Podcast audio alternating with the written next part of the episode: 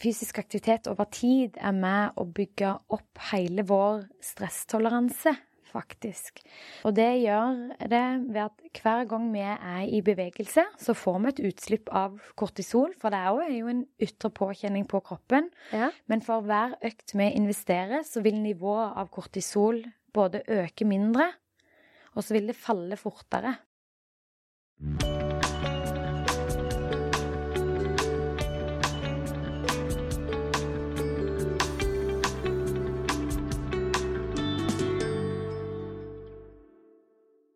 Hjertelig velkommen til podkasten Leger om livet. Mitt navn er Anette Dragland, og jeg jobber som lege.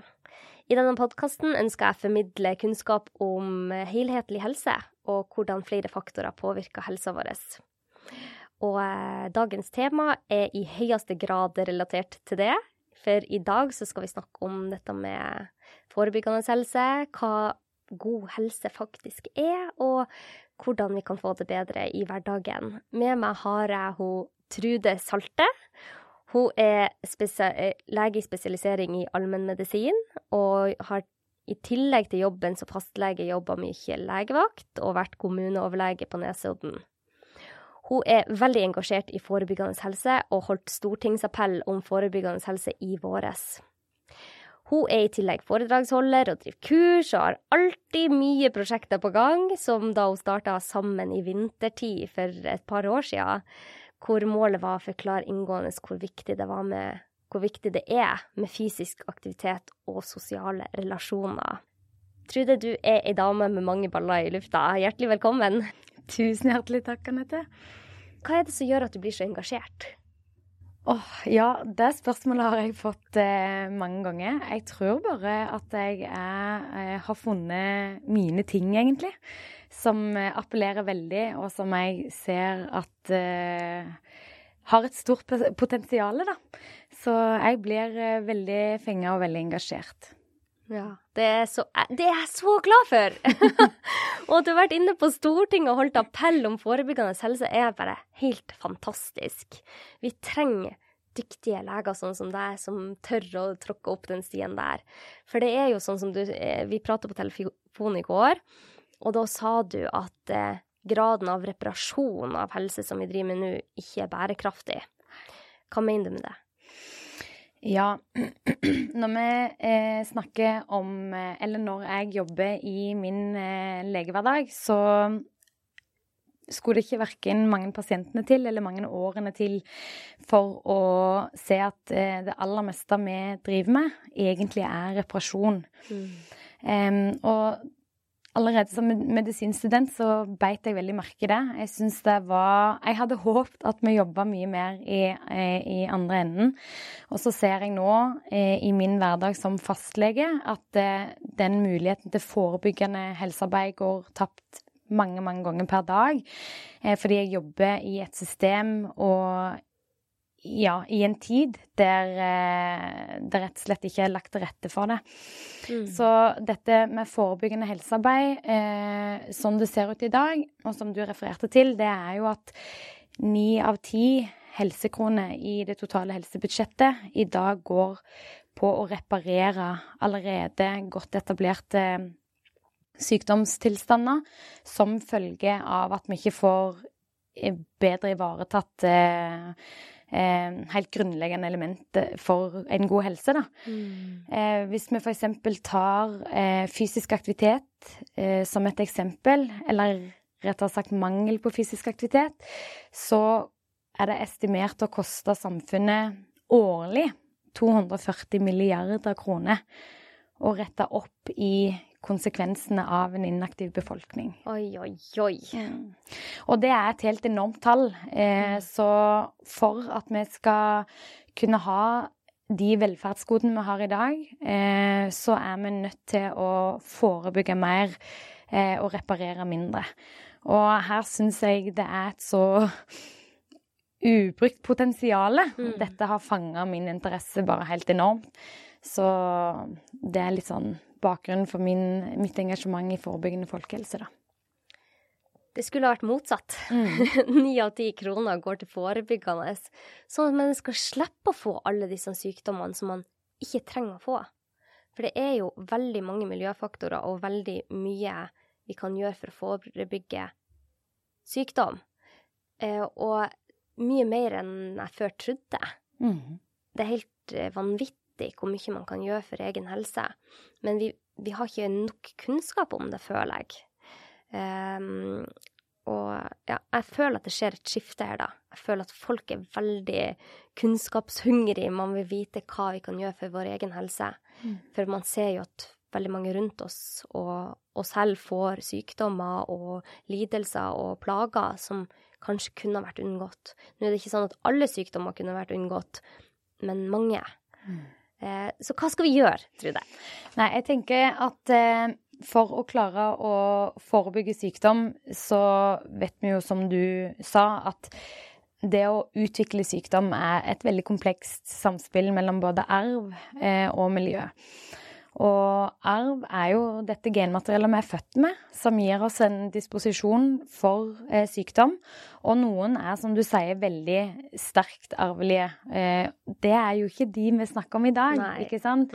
Og så er det sånn at vi nok har snakka om disse arvelige årsakene med mye større betydning enn vi vi kan gjøre i fremtiden. Ikke sant? For um, vi vet jo òg at dette med miljøfaktorer i stor grad nå påvirker hvilke gener som nærmest blir skrudd av eller på. Ikke sant? Så utbyttet av å optimalisere miljøforholdene er nok veldig mye større enn man har tenkt. Mm. Eh, Så noen hovedkomponenter som ser ut til å ha størst betydning for å forebygge sykdom, det har jo eh, pekt seg ut å være særlig dette med bevegelse. Mm. Og det er jo her jeg eh, har vært ekstra engasjert de siste årene. Mm. Eh, det går jo på kosthold. Her har du snakka masse med f.eks. Marit Kolby om både råvarebasert mat, eh, gode pauser mellom eh, måltidene osv. Eh, søvn er kjempe, kjempeviktig. Mm. Og like viktig ser det ut til å være at vi trives med de vi er rundt. Mm. Eh, føler oss trygge. At vi ikke føler at sikkerheten vår er trua. Og at vi står støtt i noen få, eller til og med bare én god sosial relasjon som er like viktig både i forebygging av fysisk og psykisk helse. Ja. Mm. Det er veldig spennende dette med epigenetikk, det du snakker om. Mm. At man kan ikke sant, Før så trodde vi at genene var noe vi var født med, og det er det jo, men at man ikke kunne endre det.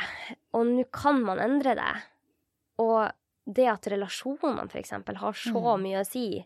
Og det var det du var veldig engasjert i for et par år siden når du lagde sammen i vintertid. Så kombinerte du to av de faktorene, fysisk aktivitet og sosiale relasjoner. Fordi de kan endre oss på et genetisk nivå. Det, det er jo helt vanvittig. Mm.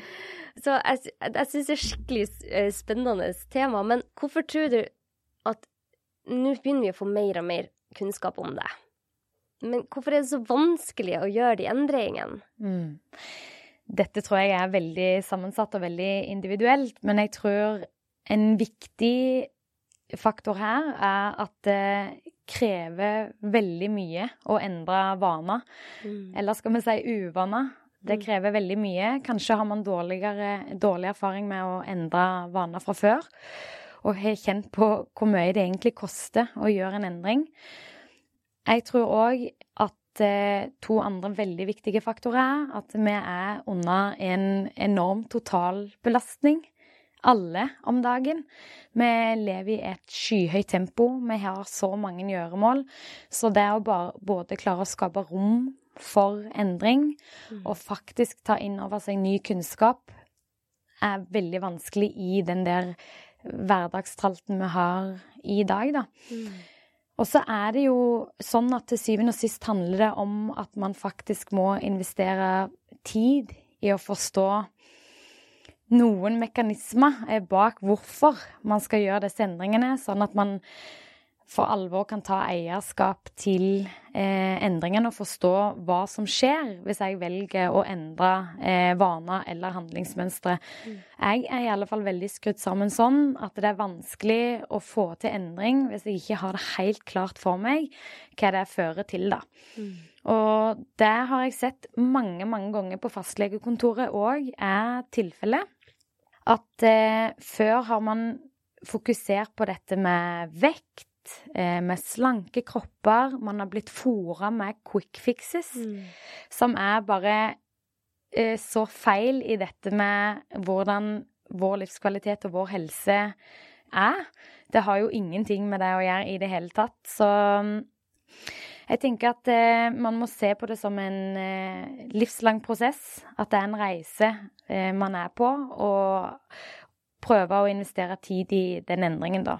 Mm. Endring tar tid, og er det noen som lover deg noe annet, så tenker jeg at det er aspektet de har glemt eller rett og slett ikke tar hensyn til. Mm. Det er min gode venn Herman Egenberg, som òg har vært på denne podkasten, eh, skriver jo bok om akkurat dette nå, det med motivasjon og endring, og at det tar tid. Men man vil ikke høre det for det. Nei. Eh, men jeg tenker at det, det, tar tid, og det gjør oss kanskje litt mer tilgivende mot oss selv. Men jeg ser det jo det. Bare, så, bare det der enkle greia med at jeg hadde hørt i mange år at jeg ikke skulle se på mobilen i senga før jeg la meg.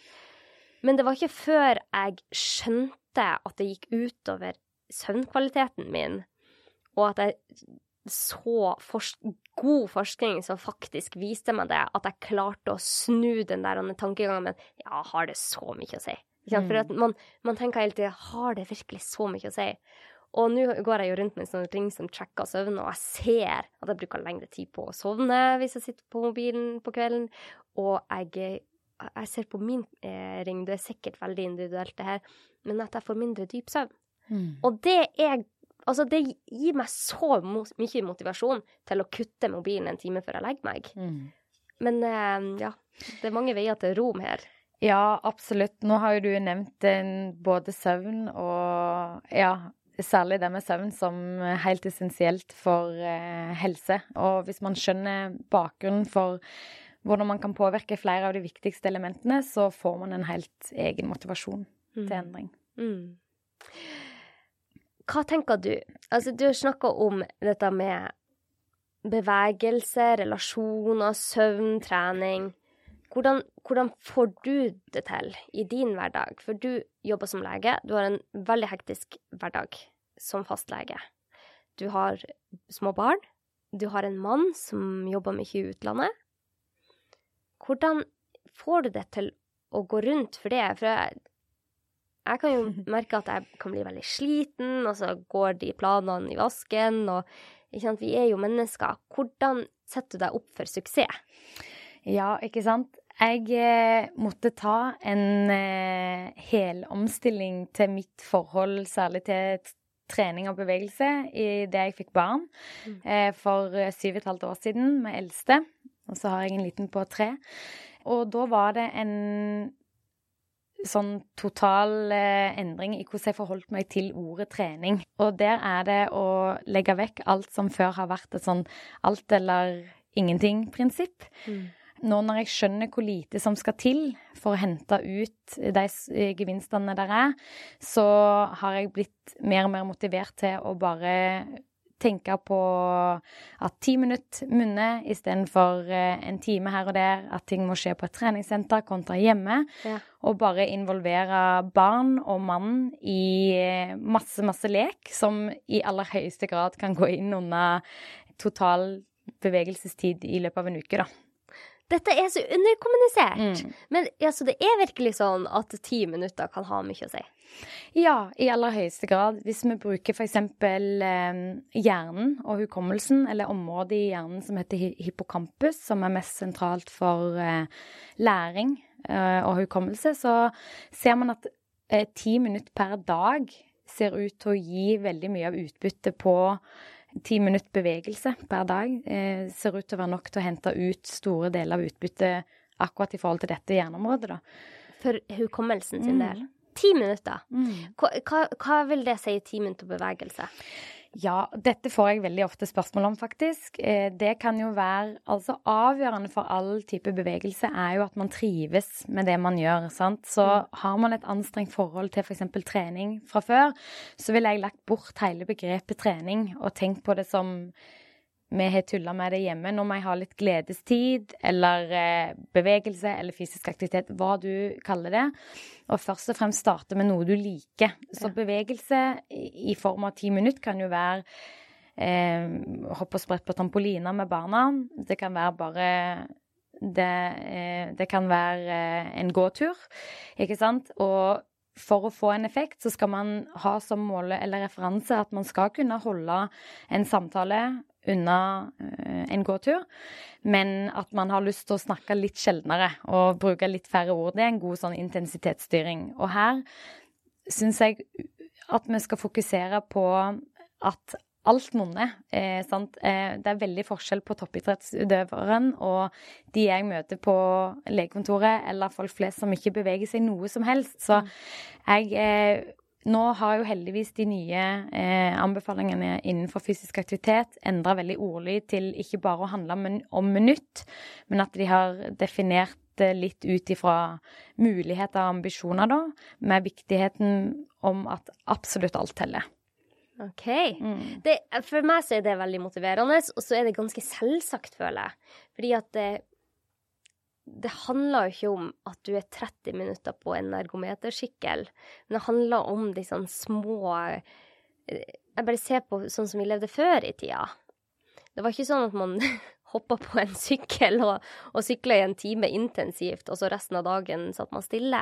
Nei. Eh, Vi er skapt for bevegelse, og jeg har nevnt min farfar veldig mange ganger her i podkasten, men jeg syns han er et så godt eksempel, for han ble 96 år, han gikk bort i januar, og levde et så fint liv til siste dag. Eh, Han var i bevegelse.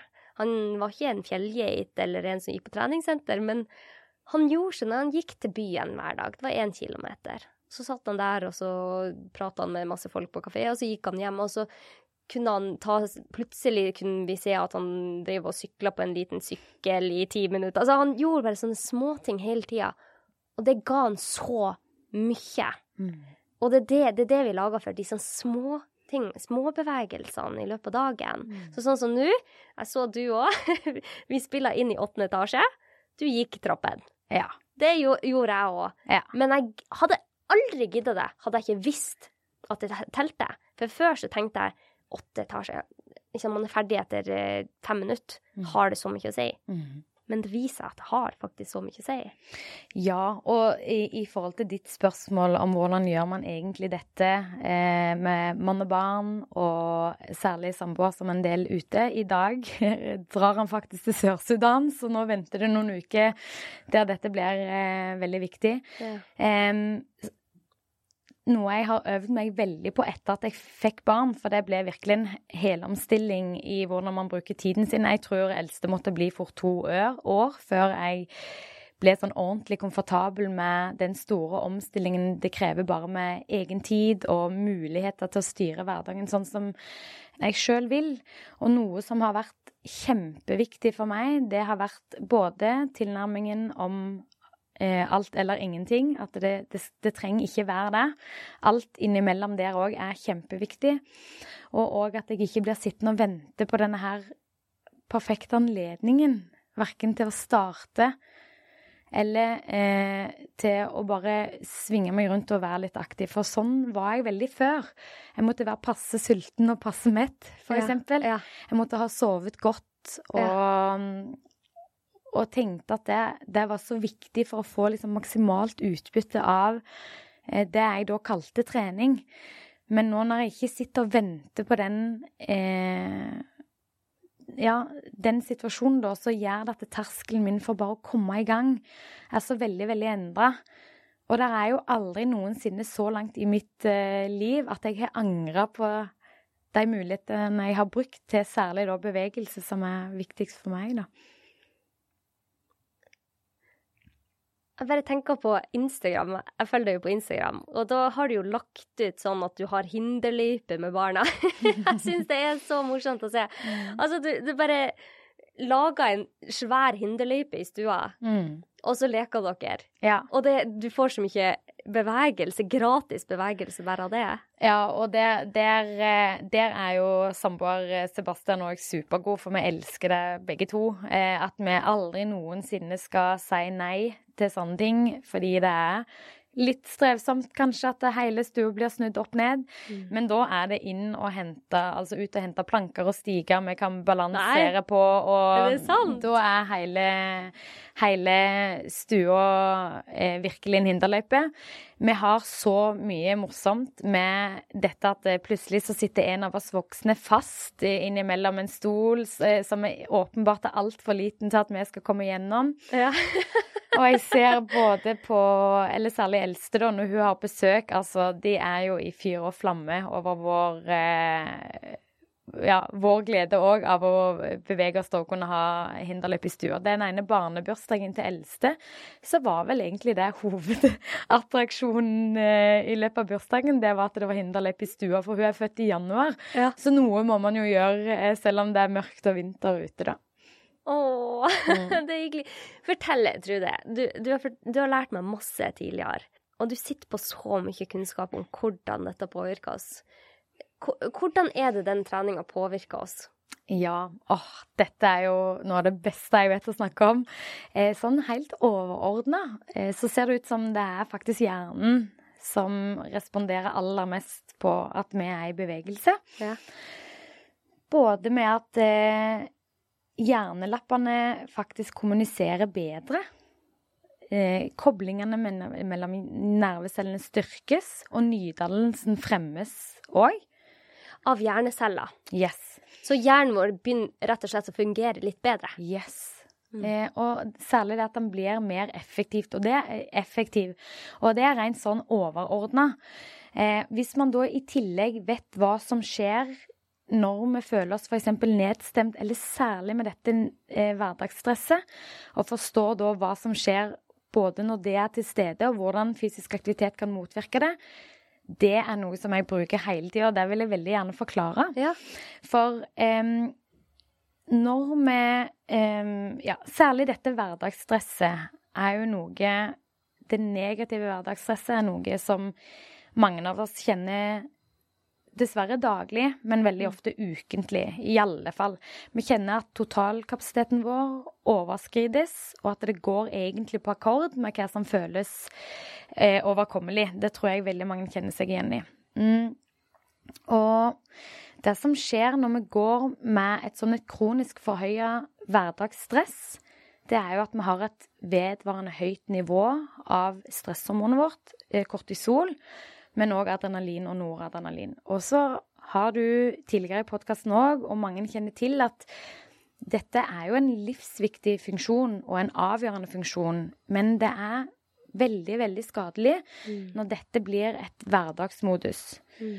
Så det som før var tenkt på som en sånn mobiliserende funksjon når vi skulle skaffe mat, når vi skulle sørge for å være i trygghet og sånn, har blitt et slags sånn hverdagsmodus. Og så kan man tenke er det så ille, da? Gjør det, gjør det meg bare ikke ekstra opplagt eller ekstra på alerten og sånn? Mm. Og det stemmer dessverre ikke. For når hjernen vår over tid bader i kortisol, så skjer det veldig mange uheldige eh, effekter på hjernenivå. Blant annet med at nydannelsen av nerveceller påvirkes, og at eh, at kommunikasjonen eh, i hjernen blir dårligere da. Og dette har størst betydning i det området eh, som går på hukommelse, som allerede var litt inne på, eh, velvære og læring.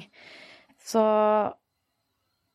det som da på den andre siden skjer når vi er i bevegelse, ja. så er det to mekanismer med bevegelse som er veldig avgjørende for eh, for at fysisk aktivitet rett og slett står i en særstilling som stressmedisin.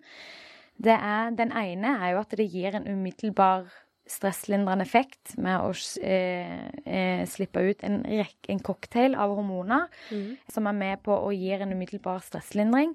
Men like viktig så eh, Den andre mekanismen er jo at eh, fysisk aktivitet over tid er med å bygge opp hele vår stresstoleranse faktisk. Og det gjør det ved at hver gang vi er i bevegelse, så får vi et utslipp av kortisol. For det er jo en ytre påkjenning på kroppen. Ja. Men for hver økt vi investerer, så vil nivået av kortisol både øke mindre, og så vil det falle fortere. Altså, for det høres så motsigende ut. Mm -hmm. at eh, hvis man går rundt med mye kortisol i kroppen, at man skal trene og få enda mer kortisol. Mm. Men forklar, hvorfor er ikke det motsigende? Forklar det en gang til. Ja, ikke sant. For at det, det som eh, eh, Når vi opplever mye stress, så, eh, så blir det da et økt utslipp av Vi har et vedvarende for høyt nivå av kortisol, ja. adrenalin og noradrenalin, som ja. egentlig er tenkt som en mye mer sånn mobiliserende evne når våre ressurser eller ja, våre ressurser er trua. Mens ved fysisk aktivitet så, får du òg disse endorfinene og et massivt utslipp av andre hormoner som er med og virker som en ordentlig motvekt til dette kortisolnivået. Så um, selv om fysisk aktivitet i seg sjøl kan gi kortisol, en kortisolstigning, så vil vår toleranse for kortisol økes. Yes, bli mye bedre. Så mm. vi pleier å si at det, ja, bremsepedalene til stressystemet vårt ja. de styrkes når vi er i bevegelse, mens hele den angstpådriveren i amygdala i hjernen, ja. den dempes. Fordi Mm, det er ikke bare kortisol som øker når vi er i fysisk aktivitet, men det er en rekke andre hormoner. Serotonin, eh, dopamin eh, og dette her endorfinen som har en ren stimulering i belønningssenteret vårt, og som gir da en, en vesentlig annen, eller en kjempeviktig effekt i forhold til både ro, konsentrasjon, hukommelse og ja, masse, masse verdifulle effekter. da. Merker du det i perioder du ikke får trent? Ja, veldig, veldig. Eh, det merker jeg veldig godt. Og det er egentlig mm, i de seinere år jeg har skjønt hvor avgjørende den delen med bevegelse har vært. Eh, veldig mye ubevisst, både som medisinstudent, eh, i alt det det krever der. Da hadde jeg holdt jeg ved siden av studiene holdt jeg disse treningstimene, den gang på Elixia Colosseum i Oslo. Ja valgte å gjøre det før forelesninger sånn, og har sett i ettertid nok hvor avgjørende det var både for konsentrasjonen og for roen min og for troen på at jeg kunne være en god medisinstudent i det som jo er et veldig sånn brutalt eh, miljø, egentlig. Ja, ja, ja, ja. Dette er kjempespennende, og dette gjør oss motivert til å gidde. Mm.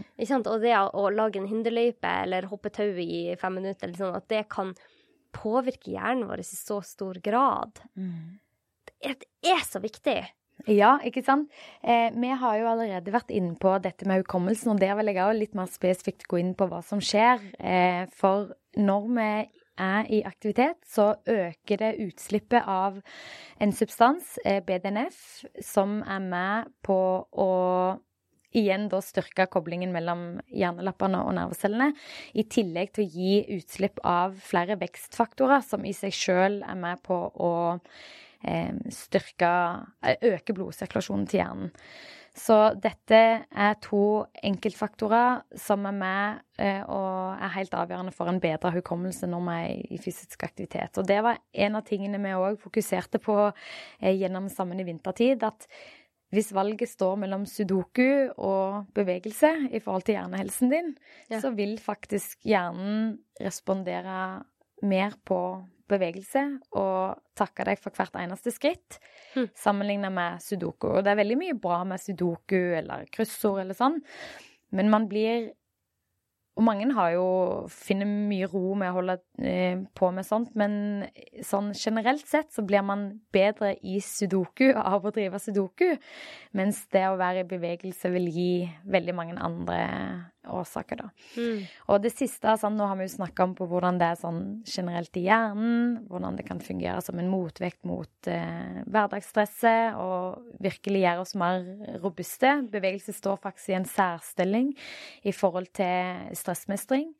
Vi har snakka om hukommelsen, og det siste som vi jo òg er nødt til å nevne når det gjelder bevegelse, og hvilken effekt det har, det er jo dette med søvn alle som har sovet dårlig eh, av ulike grunner i kortere eller lengre periode, vet hvor inngripende det er både på fysisk helse og psykisk helse. Det påvirker et så stort spekter av områder i livene våre.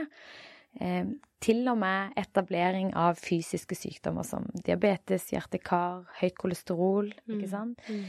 Og, og psykiske eh, symptomer som dårlig konsentrasjon, nedstemthet Ja, i det hele tatt. Man føler seg virkelig ikke som seg sjøl når man sover dårlig. Mm.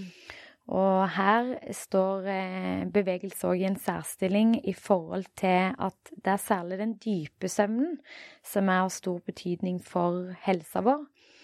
Dette kunne man jo hatt en helt egen episode om. Det er kjempespennende. Ja, det er så spennende. Og det som skjer når man er i bevegelse, det er at eh, det er særlig den dype søvnen som, blir, eh, som det blir mer av, mm.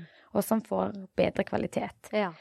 Og dette ser ut til, En av årsakene ser ut til å være at det har en direkte tilknytning til en, en nevrotransmitter som heter GABA, som er helt Eh, essensiell for stimulering av eh, bevissthetssenteret vårt. Og det som skjer, er at eh, når vi er i bevegelse, så får vi mer GABA. Og det gir mindre aktivitet i bevissthetssenteret. Dette er veldig viktig i forhold til å unngå tankespinn, kjenne at man ikke legger seg med en veldig uro når man egentlig da skal nå en ro og bli mottakelig for søvn, da. Ja. I forhold til det rent åpenbare om at man faktisk tar seg mer ut på trening og og er mer fysisk sliten òg, selvfølgelig. Mm, det er ganske utrolig. Og jeg ser det jo. Jeg ser det jo, jeg trekker jo søvna. Og når jeg er i perioder der jeg trener Det er ikke, det er ikke sånn at én treningsøkt gjør at jeg sover bedre, men når jeg er i en periode der jeg er flink på Eller jeg liker ikke det ordet flink, men der jeg bruker energien min på å få mer bevegelse i hverdagen, så får jeg flere minutter dyp søvn. Mm. Ofte en halvtime ekstra. Og vi vet jo, altså, det skjer så mye viktig i den dype søvna. Det er den dype søvna som er den første halvdelen av søvna vår, som gjør at vi føler oss uthvilt neste dag. Det er i all hovedsak den dype søvna. Der skiller jo man ut avfallsstoffer, man får um, utskillelse av growth hormone, sånn veksthormoner, mm. som òg er viktig for oss voksne. Det skjer så mye i den dype søvna. Og jo eldre vi blir, så viser studier at man får mindre av det. Mm. Og jeg tenker at mm, Nå har ikke jeg sett studier på det, men jeg håper at det å være i bevegelse kan motvirke den effekten litt. For vi trenger den dype søvna, uansett alder. Mm. Men hvordan, hvordan, gjør du det sånn rent spesifikt, sånn, sånn som du sier at mannen din nå i dag drar til Sør-Sudan? Hva gjør du nå når du er alene med barna og har en fulltidsjobb, og, mm. og prøver å, å leve i med dine verdier, da, og få nok søvn og trening og Ja, du vet hvor viktig det er for helsa di. Hva er det du spesifikt gjør? Når jeg er helt alene med barna, og for at ikke særlig dette med bevegelse skal skje etter legging, som gjerne nå har blitt halv ni-ni, så er det fort at de må bli en del av det, rett og slett. Mm. Så enten om det er hinderløype i stua, eller om det er bare å ta initiativ til eh, noen form for lek i hagen. Det kan være førstemann til eh, et punkt vi setter opp, eller eh, ja, masse ulik lek i hagen. Jeg har ennå til gode å få et eneste nei fra barna. Jeg tror alle barn, hvis de får tilbud til å, til å springe rundt i hagen med foreldrene sine, så er det noe av det beste som fins. Ja. Da får man jo òg dette her dag, dagslyset. I helga så har vi faktisk en sånn skikkelig fin greie at eh, før frokost og nærmest før tannpuss, så tusler vi en liten tur i skogen. Mm. Da er det jo enten å passe seg for trollet Trym, eh, som vi har lest om i Nordlys, eller eh, bruke Elsa-magi, som begge jentene Altså sant, bare lage det til en historie. Det er nok med 10-15 minutter der òg. Hvis vi da i tillegg tuller med at vi skal fange hverandre litt, eh, eller sånn, så har, vi, har jeg en liten eh, pulsøkning og en deilig sånn følelse i kroppen bare allerede fra start på morgenen. Mm. Og så er det noen ganger jeg må innse at det er vanskelig å få til. Jeg må f.eks. si nå kan dere sette dere ned med eh, noe fint på TV, og så tar jeg meg en runde i stua med enten strikk eller det som jeg trives aller best med å trene, det er jo kettlebells. Um, mm. Der er jo det er uendelig med muligheter både i forhold til styrke og utholdenhet. Mm. Og virkelig bare eie eh, de 10 og 15 og 20 minuttene. Kommunisere til jentene hvorfor dette er viktig. det gjør vi, om ikke daglig, så mange ganger per uke. Enten om det gjelder maten vi velger å spise, eller bevegelsen vi velger å sette av tid til. Eh, for det gjør at hodet til mamma fungerer veldig mye bedre etterpå, f.eks. Ja. Og det stilles det ikke noe særlig spørsmål til. Det er de vant til. Og mm. ja. Så det er både særlig å senke terskelen. Eh, igjen dette ikke vente på den perfekte anledningen, bare mm. slenge meg rundt. Mm. Eh, har innsett for lengst at det jo går veldig fint å trene på sulten mage, eh, f.eks. Ja. Og ikke ha så store krav til verken omgivelser eller tøyet du har på, eller sånn. Bare Eller antall minutter, ikke sant. Ja. Altså, det jeg så i høstferien, var at eh, jeg leste i bok som heter De tibetanske riter av han Audun Mysja. Og da er det fem sånne øvelser man skal gjøre, som visstnok skal være veldig bra for hele muskel-skjelettsystemet. Så jeg la meg ned på bakken og begynte med de her, for jeg så liksom på bildene og knota noe voldsomt. Og ikke sant, vi voksne er jo ikke eh, Men jeg fikk den på et eller annet vis til den første, og så kommer han Anton, min minste på tre år, og setter seg attmed og bare 'Hva gjør du, mamma?' Og så viste jeg ham bilder av disse tibetanske ritene. Og det var helt utrolig å se på. Han klarte de helt perfekt, alle fem, med én gang. For at han, de er i bevegelse hele tida. Og han syntes jo det var kjempegøy å gjøre det med mammaen sin. Så det å bare finne på sånne ting, bare legge seg ned på bakken, så er de, de, de går fra TV-en med en gang og vil være med på bakken og gjøre de der øvelsene. Ja, det, det er virkelig erfaringen eh, vår også. Og jeg eh, prøver veldig aktivt i det vi kommer inn døra, og det er ikke alltid det frister. Det må jeg ærlig innrømme. Jeg tenker på middagen som skal på plass, matboksene som skal ut av sekken og vaskes opp, alle disse her åh, tingene som bare må holde hverdagen i gang. Men investerer jeg til og med bare så lite som ti minutter med full tilstedeværelse for de to.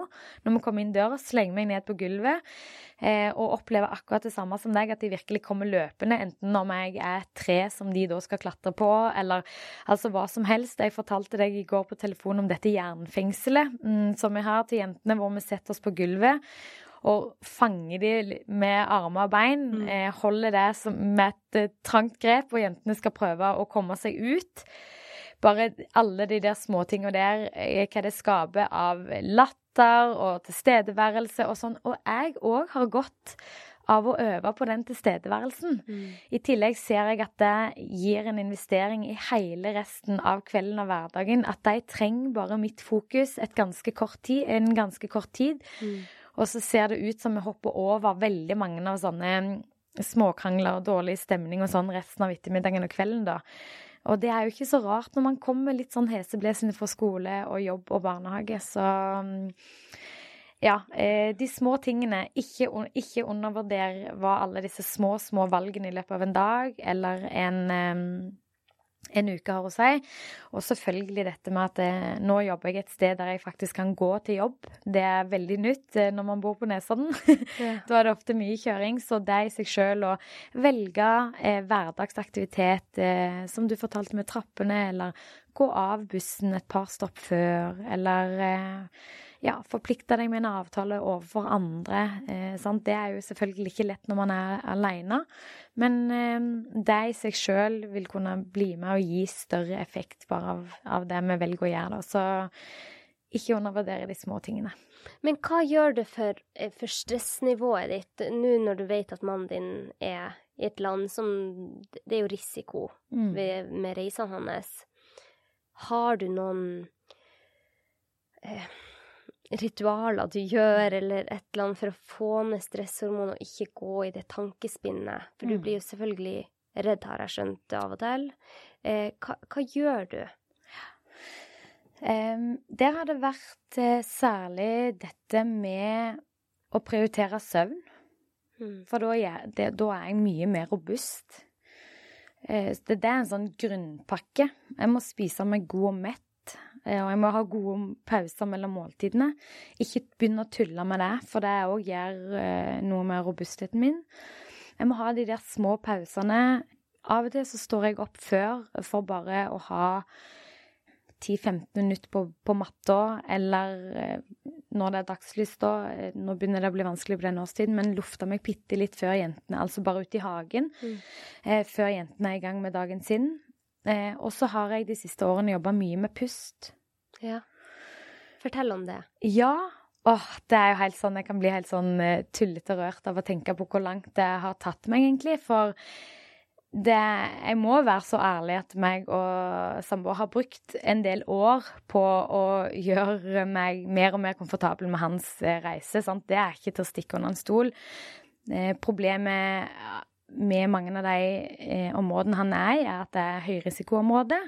Og jeg blir mata med veldig mye elendighet i forhold til nyhetene. Mm. Så mm, vi har eh, gjort noen grep. Eh, et av de er f.eks. at jeg i tiden før eh, veldig sjeldent eh, leser mye nyheter.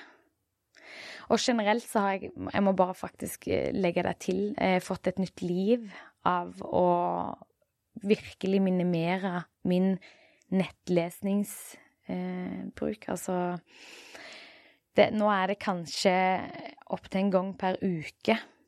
Men siden han er så inne i alt av sikkerhet, og det har jo vært veldig veldig, veldig fremtredende nå mars-april dette året i forhold til Ukraina, for mm. da, da, var det helt eh, vanvittig, så vi måtte bare bestemme oss for at jeg kan ikke samtidig fòres gjennom mm, media eh, og se det, hvordan det påvirker han. Jeg må forholde meg til eh, kjernen i det. Eh, og det har kommet da heller via Sebastian. Så eh, har vi gjort en annen ting. Vi har brukt masse tid på at jeg forstår konfliktens kjerne i ting. Men før en reise setter vi oss ned med kart, faktisk. Kart over områdene skal, hvor vi forklarer de regionale forskjellene på ting, og, og prøve å få tak litt på hva som ligger bak dette her. Ikke bare bruke veldig overfladiske sånne skrekkartikler eh, som serveres til oss på daglig basis som mitt grunnlag for å tenke på om han er trygg eller ikke. Ja. Og der også videre sånn rent personlig mm, er det jo dette med pusten, da. At jeg har sett på pust som en helt sånn avgjørende måte i å fremme min parasympatikusaktivitet. Sant? Den mm. rest and digest-moduset mitt. Hvilemoduset vårt. Ikke sant? Mm. Eh, Sammenligna med det som jo preger meg veldig ofte i eh, hverdagen, da. Nettopp et litt for høyt stressnivå. Å sitte og mates med andres problem, ikke sant, i legerollen og, og sånn. Så eh, det går vel nesten ikke en kveld uten at jeg puster meg ned før søvn, da. Både for å fremme søvn og for å ta litt kontroll på jeg liker å tenke på det som ta litt kontroll på intensiteten i kroppen min, på en måte. At jeg bruker pusten til å skru den ned, sånn at jeg lander for kvelden og lander for natta og er klar for en ny dag, da. Begynner jeg å tulle med de tinga der, så blir jeg mye mer frynsete. Mm, mye ja. mer tankefull, mye mer engstelig og man trenger ikke ha en samboer i utlandet for å kjenne på disse tingene her, da. Nei, og det er det man kanskje har trodd OK, jeg er født litt engstelig, men samboeren min er født robust, eksempel. Men det er så mye man kan gjøre for å påvirke egen robusthet. Og du står i ganske krevende situasjoner av og til, og du gjør små endringer, egentlig, men som gjør deg så mye mer robust. Og det er veldig fint for oss andre å høre. Fordi at um, det er så mange ting som påvirker oss, men det er også mye vi kan gjøre selv for å ta kontroll på det. Men hvordan gjør du det helt spesifikt? Hva gjør du med disse pusteøvelsene? Ja, der er det jo litt forskjell på hva man eh, vil oppnå, men i forhold til akkurat dette med søvn og, og nedregulering og ro, og ikke bruke pusten som en sånn stimulerende faktor, for det har jeg ikke trengt så mye nå. Sant? typisk noen som ville ha pusta seg veldig opp før en podkastinnspilling, f.eks., og liksom komme godt på. Der har jeg andre ting jeg kan gjøre, men for nedregulering Hva betyr det puste seg opp? Nei, at du eh, eh, bruker pusten til å komme i et slags mer offensivt eh, modus, da. Okay. Et mer skjerpa modus. Sant? Det er jo én del av bruk av pust. Mm. Men eh, for min del så har jeg trengt i veldig mye større grad den nedreguleringsfunksjonen, da. Og ja, for han Warholm driver vel med den der oppustinga ja, når han skal løpe. Ja, helt ja, riktig. Okay, jeg skjønner. Ja, så det er en sånn stimulerende måte å bruke pusten på. Sant? Den føler ikke jeg at jeg trenger i hverdagen, for jeg må jobbe mer med å holde meg nede, da. Og helt rent konkret, f.eks. til kvelden og natten, så er jeg ferdig med legging av barn og snakker meg ferdig med samboer og eh, ja, er klar til å sove, så velger jeg å bruke sånn bokspust. Mm. Det er veldig festlig, for jeg, jeg må bare legge til det. Jeg har alltid vært en person som går fort, som tenker fort, som har et veldig høyt tempo, og som kan bli nesten litt sånn rastløs eh, av å være i ro. Så jeg har når Sebastian da har vært på denne pustereisen sin i flere år før meg, så har ikke jeg vært mottagelig og klar for nesten å høre om det engang. Og det er veldig komisk, for jeg har sett at det er et område i mitt liv som virkelig trengs, men jeg har liksom ikke vært helt mottakelig for å ta det innover meg, da. Så de blir lært opp i det? Ja. Mm. Og så er det jo rett og slett da eh, sånn at jeg legger meg ned for, eh, natt, for, kvelden og natten, og så bruker jeg da først eh, Det kan være f.eks. fire sekunder på rolig innpust, og så holder jeg i fire sekunder. Og så bruker jeg fire sekunder på å puste ut igjen, og så holder jeg i fire sekunder. Det som er så fantastisk med f.eks. sånn som bokspust, eh, er at eh, kjenner jeg at jeg eh, lander mer og mer for kvelden, og i roen så kan jeg øke det til f.eks. syv sekunder mm. inn, syv sekunder hold, syv sekunder ut og syv sekunder hold. Mm.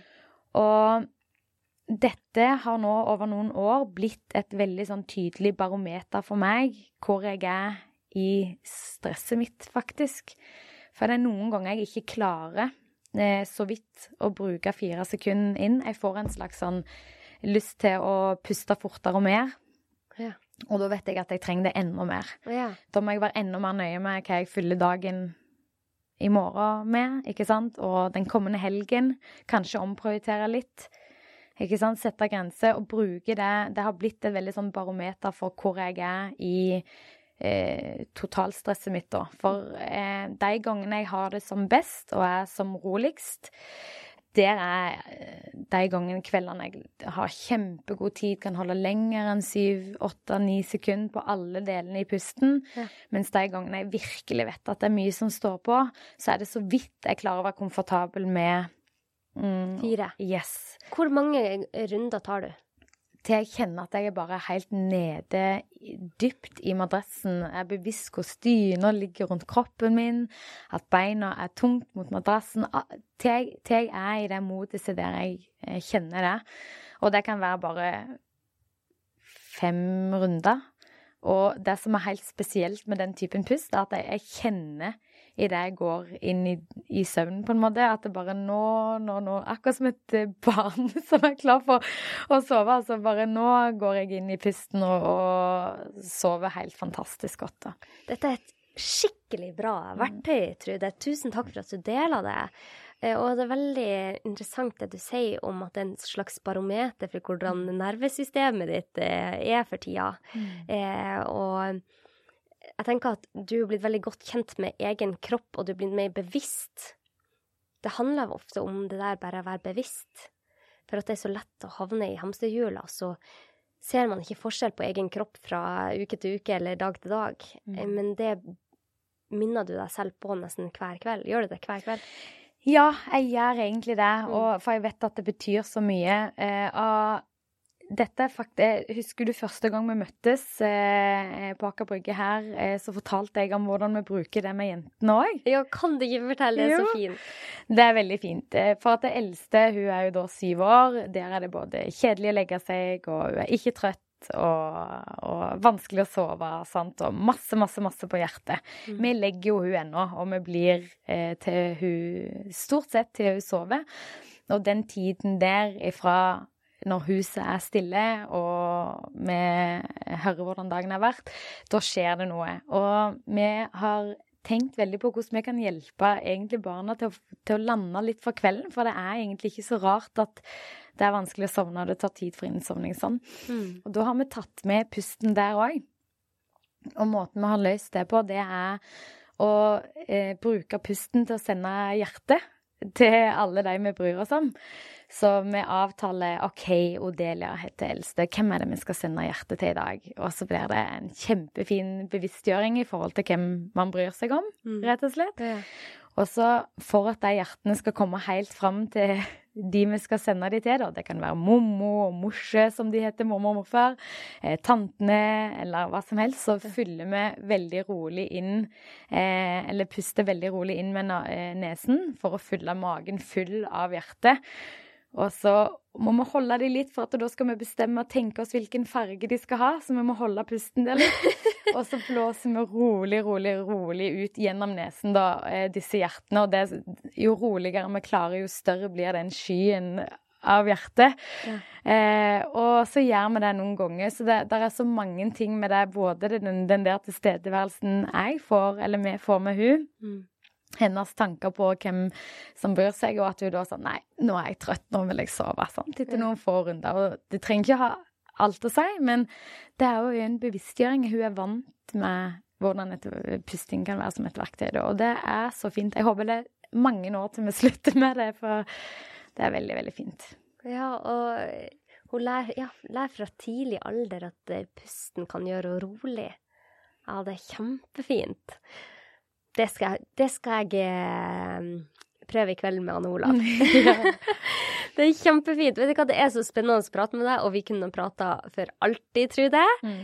Men jeg har noen få spørsmål til deg som vi må få til før vi avslutter. Og det er, du er jo engasjert. Du er veldig engasjert i dette med forebyggende helse, og du ønsker å gjøre endringer sånn at vi slipper å få så mange sykdommer som befolkninga har fått, og at man kan le gode og friske liv. Hvis det var noe du kunne endre på, hva ville det vært? Hvis det var noe jeg hadde mulighet til å endre på sånn som jeg ser det nå, så er det faktisk totalbelastningen og ressursknappheten som ser ut til å være dominerende overalt i samfunnet, helt uavhengig av bransje eller yrke. Mm. Eh, det enorme stressnivå som hver eneste dag ser ut til å overskride kapasiteten vår eh, på så mange områder i livet. Mm. Eh, og som faktisk gjør folk syke. At uansett hva man driver med, eller hvordan man fyller dagene sine, så ser det ut som at man nærmest prøver å effektivisere bort både kvalitet og helse. Mm. Så hadde det vært noe som jeg kunne aktivt gjort for at det bare hele eh, totaltrykket på alle oss hadde blitt eh, mm. mindre, så skulle jeg gjort det i dag, altså. Og her, jeg må legge til, sant, det er jo her jeg veldig ofte eh, snakker med pasientene mine eh, om denne bevisstgjøringen om hvor skoen trykker som mest, eller egentlig skoene, for vi har på oss veldig mange ulike typer sko i løpet av en dag, og se på om det er noen plasser man egentlig kan gjøre om for, eh, på, på totalbelastningen sin. Hva er det du ser som belaster oss mest? Noen ganger er det helt sånn åpenbare ting som at man ikke trives på arbeidsplassen sin. Man har en dårlig kommunikasjon med arbeidsgiver. Eh, føler seg veldig overvelda i forhold til arbeidsmengde og type arbeidsoppgaver. At man av og til føler at de går litt over hodet på en, at man ikke mestrer det. Der prøver jo jeg å hjelpe, hjelpe hjelpe litt til å egentlig stille direkte i spørsmålene. Tenke at ting ikke er så skrevet i stein. At sånn, du har jo tatt et eh, Kall det utradisjonelt valg i forhold til å faktisk sitte inne med det store behovet om å lage podkast istedenfor å bli med på denne eh, ja, eh, spesialiseringsløpet. Det, akkurat der og da var det det som var riktig. Samme for min del. At man mm. liksom er bevisst at jeg kan påvirke veldig, veldig mye av dette helt sjøl, men at det ikke alltid føles sånn. Og så er det selvfølgelig sånn eh, Dette med at man føler seg aleine, er noe som tynger meg veldig mye når jeg sitter både i en behandlerrolle og mm. eh, som privatperson, eh, når jeg vet hva det eh, gjør med folk. Men jevnt over så føler jeg at det er totalbelastningen, faktisk. At det er summen av alt som flere ganger ukentlig fører til at folk kommer og er syke eh, mm. på legekontoret, da. Mm. Den følelsen av overveldelse, mm. at man ikke har kontroll, det er så mye som skjer, at man jeg tror det, du tok opp det der med å begrense nyheter og sånn. Det har vært veldig viktig for min egen del òg. Jeg er jo opptatt av å holde meg oppdatert, men jeg trenger ikke bli overvelda av alt som skjer. Og det tror jeg er en bidragsyter òg, for at um, i hvert ledige sekund så går man på mobilen så sjekker man hva som skjer der, om det er på sosiale medier eller på nyhetene, men det er alltid et eller annet som skjer. Og man blir, hjernen vår blir overvelda av det, for den er ikke vant til å ta imot så mye informasjon. Nei. Så det er noe som i hvert fall har vært viktig for mitt eget liv. Det har vært superviktig for mitt eget liv, eh, og uavhengig av eh, reisingen til Sebastian. Mm. Og det er jo litt med at det, jeg har fått en litt sånn respekt for hjernehelsen min i de senere år. At eh, bare det som du sier, hvordan vi fòres med stort sett bare helt sånn elendige nyheter. Mm. Noen sjekker det Hva er det det har blitt vist? Opptil 20 og 50 ganger til dagen. Bare går innom og, og mater eh, hjernen. Og vi har den samme forutsetningen til å forholde oss til den informasjonen og for, fordøye den informasjonen som for mange tusen år siden. Mm. Ikke sant? Der har det dessverre ikke skjedd en lik utvikling som på tilgjengeligheten. Nei. Så hvis jeg tenker også noe annet, altså så både det der at jeg faktisk skal ikke gi en stadig overload med informasjon jeg da egentlig bare velger å forholde meg til indirekte, for jeg skal jo ikke aktivt gjøre noe med det som regel. Mm. Jeg skal liksom bare sørge for å få det med meg på et vis. Mm. Eh, Så både eh, det, det syns jeg òg har vært eh, helt avgjørende, rett og slett. Å la det bli veldig, veldig mye mindre av det. Mm. Det hadde vært spennende forskning å ta en gruppe mennesker og se hvor mye mer ro de får i kroppen ved å kutte sosiale medier og nyheter til kanskje én gang om dagen. Eh, For det, er, det tror jeg har hatt veldig mye å si. Men du, før jeg kommer til siste spørsmål, så fortalte du meg en studie om ensomhet. Kan ikke du bare si det, for jeg syns det var så interessant. Ja.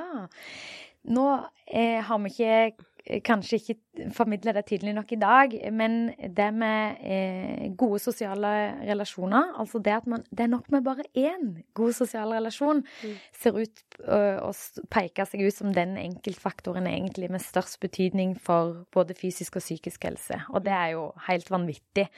At eh, har man gode relasjoner, så ser det ut som det er den faktoren som har størst betydning for eh, våre leveår med best helse og trivsel. Og det jeg eh, nevnte for deg da, det var et eh, prosjekt som eh, de gjorde i en engelsk by som heter Froome, fra 2016 og fire år eh, fram i tid.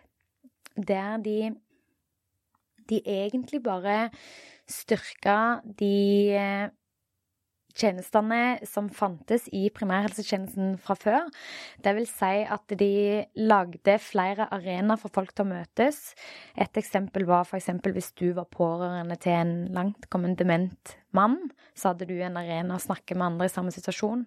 Eller hvis jeg var tenåringsmor og var veldig fortvila over hvordan jeg skulle håndtere tenåringen min, så kunne jeg møte andre i lignende eh, eh, situasjon, eller for et bilverksted for ungdommer som ikke trivdes så godt på skole. Alle bare små, små, små justeringer av eh, tjenester som egentlig allerede fantes i samfunnet, men som var med på å styrke samholdet og da unngå ensomhet.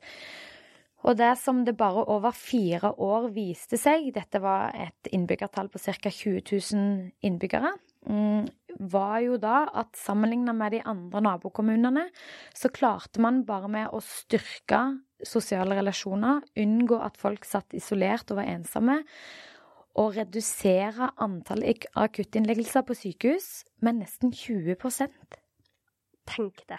ja, og så har man sett over det flere ganger og lurt på om det er uh, for mange andre viktige faktorer man ikke har klart å ta hensyn til, men det ser egentlig ikke helt sånn ut. Så det med å på en måte styrke eh, sosiale relasjoner og lage særlig en primærhelsetjeneste som ivaretar dette i større grad enn det de gjør i dag, det kan ha en kolossal betydning både for vår mulighet til å forebygge, men òg for å avlaste spesialisthelsetjenesten. Og hvis man da ser på det økonomiske utbyttet, så vil det jo ha altså antall liggedøgn og akuttinnleggelser på sykehus er jo vanvittig kostbart. Mm. Så det budsjett, eller den totalen der er eh, utrolig interessant. Og en del av det som gjør at vi har lyst til å prøve noe av det samme i min kommune da på Nesodden. Nei, er det sant? Mm. Hvor spennende. Ja, veldig, veldig. Alle får lyst til å flytte til Nesodden. Ja. og det er, så, det er, så, spennende det du sier. Og jeg intervjuet nettopp eh, lykkeforsker Ragnhild eh, Bangnes. Hun er jo en av de fremste lykkeforskerne vi har i Norges land, og jobber eh, under FHI nå. Og hun sa at alle kommuner og byer burde egentlig lage et sånn svært langbord i sentrum. Mm. Der man kan møtes og treffes, for det har så mye å si for lykkenivået vårt òg. Mm. Og vi vet jo det at man kan ikke kurere sykdom med å være glad, men man kan forebygge sykdom ved å være glad, ha det bra i livet. Eh, så det er jo bare det, Å, det, det, blir artig å se. Jeg håper du får til den studien, Trude. Ja. Tusen takk for at uh, du var med i dag. Jeg har et siste spørsmål jeg pleier å stille mine gjester. Og det er Hvis du måtte forlate verden i dag, og alt du hadde sagt og gjort var blitt viska ut utenom tre ting, hva ville det vært? Åh, spennende. Eh, den første virkelig viktige tingen som jeg ønsker at skulle ha stått igjen da, det er faktisk eh, at eh, den enkelte tør å kjenne litt etter eh, på eh, stå i seg sjøl. Både daglig, men over tid. At hvordan har, det, har jeg det egentlig i dag? Eh, kjenne på magefølelsen og litt sånn i hjertet, pleier jeg å si, til pasientene mine. Og prøve å virkelig identifisere om du stadig lever på akkord med det som føles riktig for deg. Mm. For. Det skjer noe virkelig fint hvis man eh, for alvor kjenner at man klarer å leve mye mer i tråd med verdiene sine. Mm. At det er ikke noen andre som har fasiten for hva som er riktig for deg. Så kjenner du at det er noe som åh, føles litt feil. Det er noe som ikke føles helt riktig. Så tør å åpne opp den esken og, og kjenne etter på hva det er. Og så prøv å identifisere om det er noe som egentlig er innenfor din mulighet til å påvirke, da. Mm. Det er nummer én. Og så eh, nummer to er nok eh, i forlengelsen av nummer én å klare å sette grenser for seg sjøl. Mm. Jeg øver meg på det hver eneste dag. Eh, både på legekontoret og i alle rollene jeg har i dette livet, egentlig. Det er en stor befrielse når man blir litt bedre på å si nei. Eh, eller generelt bare sette grenser. Og det går jo på alt fra små hverdagslige situasjoner, der jeg må være tydelig med f.eks. legesekretærene om at oh, mellom disse 20 minutters konsultasjonene, eller særlig øyeblikkelig hjelp konsultasjonen på ti minutter, så vær så snill å ikke sette inn enda flere. Ja. Sånne, sånne, små, små som gjør at jeg da aldri føler at jeg har hodet over vann gjennom hele arbeidsdagen min, kontra hvis jeg kan heller ta stilling til de pasientene etter arbeidsdagen i mitt tempo når jeg er klar for det, så vil det ha noe å si for hele min mestringsfølelse virkelig gjennom hele dagen. Så det er ett lite eksempel, da. Mm. Og for oss Anette, som er så engasjert i alt mulig, mm. så er det jo noe med å være veldig veldig bevisst hvor vi faktisk investerer tiden vår i. Og så det siste er, som jeg har brukt mye eh, når jeg syns ting Hvis jeg syns ting spisser seg litt til, eller føles tøft, eller det. Vi har jo alle perioder der ting går opp og ned. Det er å prøve å zoome litt ut eh, og se seg sjøl i et større perspektiv. Hvis jeg da stiller spørsmål åh, tror du det har egentlig dette noe som helst å si om eh, fem eller ti år? Og veldig ofte har det jo absolutt ingenting å si. Nei. Og det er en sånn eh, ja, befriende følelse av og til, som kan hjelpe hvis ting drar seg litt til. For da blir vi ofte mye mer sentrert i oss sjøl òg, mye mer lukka. Hvis man da klarer å bruke det som en sånn veiledning til er dette så farlig, hvilken betydning har det i det større perspektiv? Og så er det med på å få meg til å lande litt mer og være trygg. Mm. Og det hjelper deg litt med punkt nummer én og det der med verdiene dine. Mm. For at da vil du kanskje svare ja, det har noe å si for meg om fem år. Mm. Denne jobben, for eksempel, eller hva jeg skal studere, eller hvordan jeg skal håndtere denne situasjonen med en relasjon, eller Jeg syns det var bare kjempefint, Trude. Tusen takk for at du deler. Så kjekt. Har du noe siste du ønsker å si?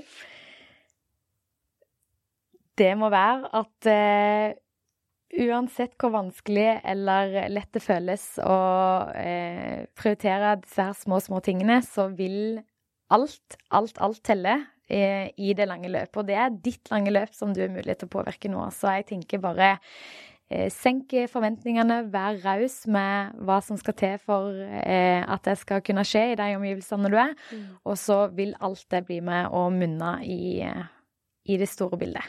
Mm. Nå kommer du til å få masse folk som har lyst til å ha deg som fastlege. Hvor kan lytterne mine nå deg? Nå eh, er jo jeg òg, som du nevnte, på Instagram. Det starta jo som en eh, kettlebell-profil, som nå etter hvert eh, rommer eh, mye om det meste, egentlig. Både litt hverdagsliv og småbarnsliv og legeliv og, og sånn. Og det er da under Trude og livet. Trude og livet på Instagram. Veldig fin. Hører veldig gjerne fra lytterne der. Supert. Så hvis dere vil spørre Trude om noe etter denne episoden, så kan dere nå på Trude og livet på Instagram. Og hvis du har noen tilbakemeldinger på episoden eller spørsmål, skriv under på Facebook eller Instagram, på, eh, der jeg legger ut om dagens, ukens episode. Og hvis du føler at denne episoden hadde vært til nytte for noen, så send den til dem. Det er sånn vi får ut denne viktige kunnskapen som Trude sitter på. Hjertelig takk for at eh, du hørte på, og takk til deg som abonnerer. Og med det ønsker vi deg en kjempefin dag. Ha det godt.